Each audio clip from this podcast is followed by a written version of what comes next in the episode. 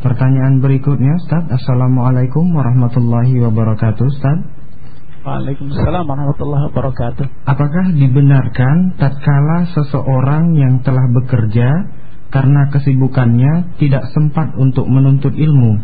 Bila melalui internet seperti sekarang Apakah termasuk di dalam di dalamnya belajar agama Ustaz? Mohon ya. penjelasannya. Syukran Ustaz.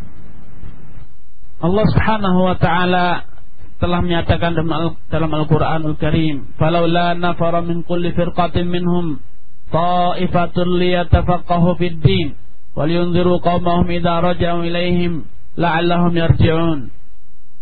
Hendaknya dari setiap sekelompok kaum mukminin ada segerombol orang yang nafara keluar pergi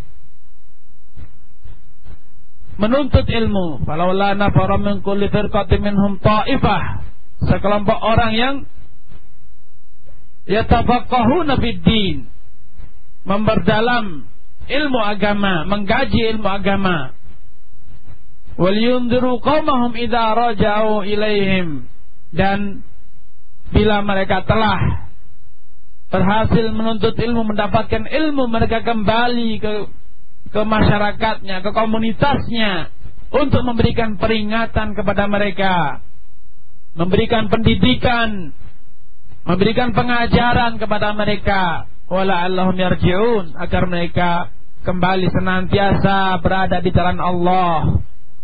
Oleh karena itu dahulu para ulama ahlu tafsir menjelaskan bahwa berdasarkan ayat ini dapat disimpulkan bahwa talabul ilm menuntut ilmu, itu merupakan fardu kifayah.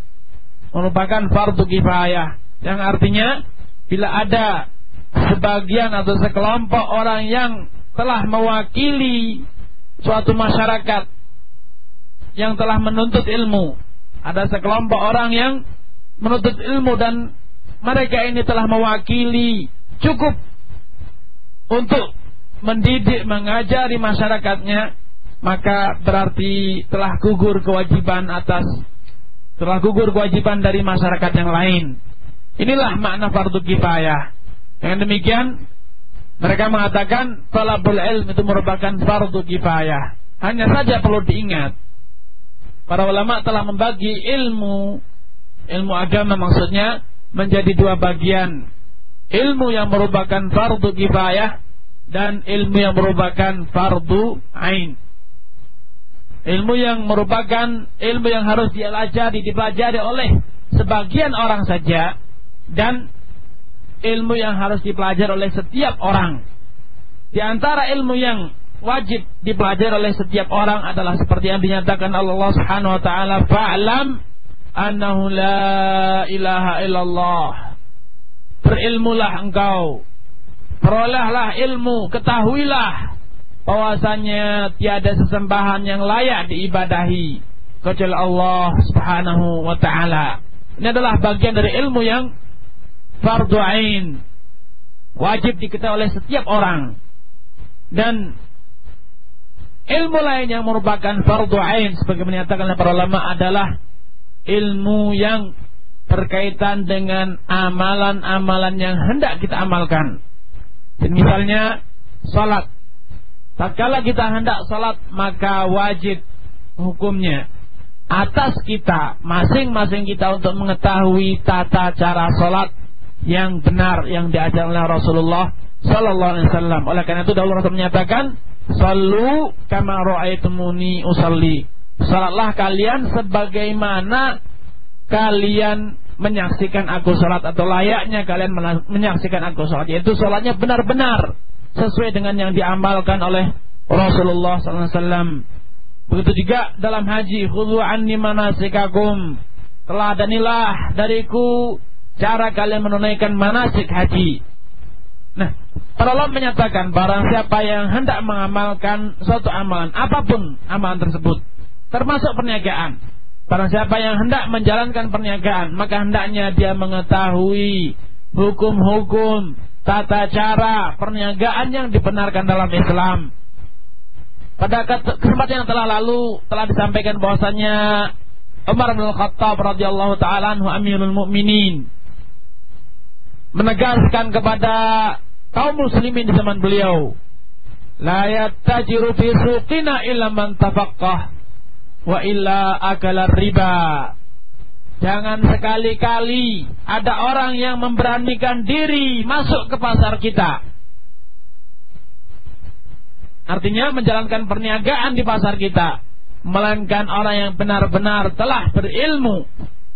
Karena bila dia tidak berilmu dan dia nekat masuk ke pasar, niscaya dia akan terjerumus melanggar riba atau memakan riba. Oleh karena itu, para ulama menjelaskan bahwa ilmu itu terbagi menjadi dua. Ada ilmu yang merupakan fardu kifayah dan ada yang ilmu yang merupakan fardu ain. Yang fardu ain di antaranya adalah ilmu tentang tauhid, tentang siapa yang wajib kita ibadahi dan bagaimana kita beribadah. Dan kemudian kedua ilmu yang berkaitan dengan amal yang hendak kita amalkan. Nah, ilmu yang merupakan fardu ain ini tidak lazim atau tidak harus untuk kita ketahui dengan disertai dalil-dalilnya. Yang penting kita telah mengetahui tata cara mengamalkannya walaupun tanpa menghafal dalilnya, tanpa mengetahui perincian yang lebih mendalam tentang metode pendalilan dan perselisihan antar para ulama. Ini tidak perlu. Yang penting kita tahu bagaimana tata cara sholat Walaupun kita tidak tahu dalilnya. Tapi asalkan kita tahu demikianlah Rasulullah mengamalkan sholat. Demikianlah Rasulullah SAW berwudu dan seterusnya. Itu sudah cukup menggugurkan kewajiban kita. Sedangkan ilmu yang selebih dari itu yaitu berkaitan dengan dalil takbiratul ihram apa, kemudian hukum takbiratul ihram itu wajib atau sunnah dan seterusnya itu merupakan bagian dari ilmu fardu kifayah yang bila ada sekelompok orang yang telah mengamalkannya, menuntutnya di masyarakat kita, maka telah gugur kewajiban dari kita. Kemudian menuntut ilmu melalui internet atau menggunakan rekaman-rekaman atau fasilitas-fasilitas yang ada di zaman sekarang, maka itu cukup dan itu bisa mewakili uh, kewajiban kita, bisa menggugurkan kewajiban kita. Bila kita tidak mampu untuk menghadiri majelis ilmu tidak mampu masuk ke pesantren-pesantren atau menghadiri pengajian-pengajian yang ada di sekitar kita.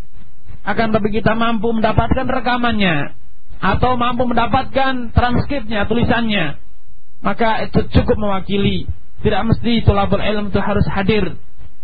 Tulabul ilm itu bisa terlebih-lebih di zaman kita ditempuh dengan berbagai macam sarana lewat internet atau majalah atau MP3 atau yang lain. Wallahu a'lam bishawab.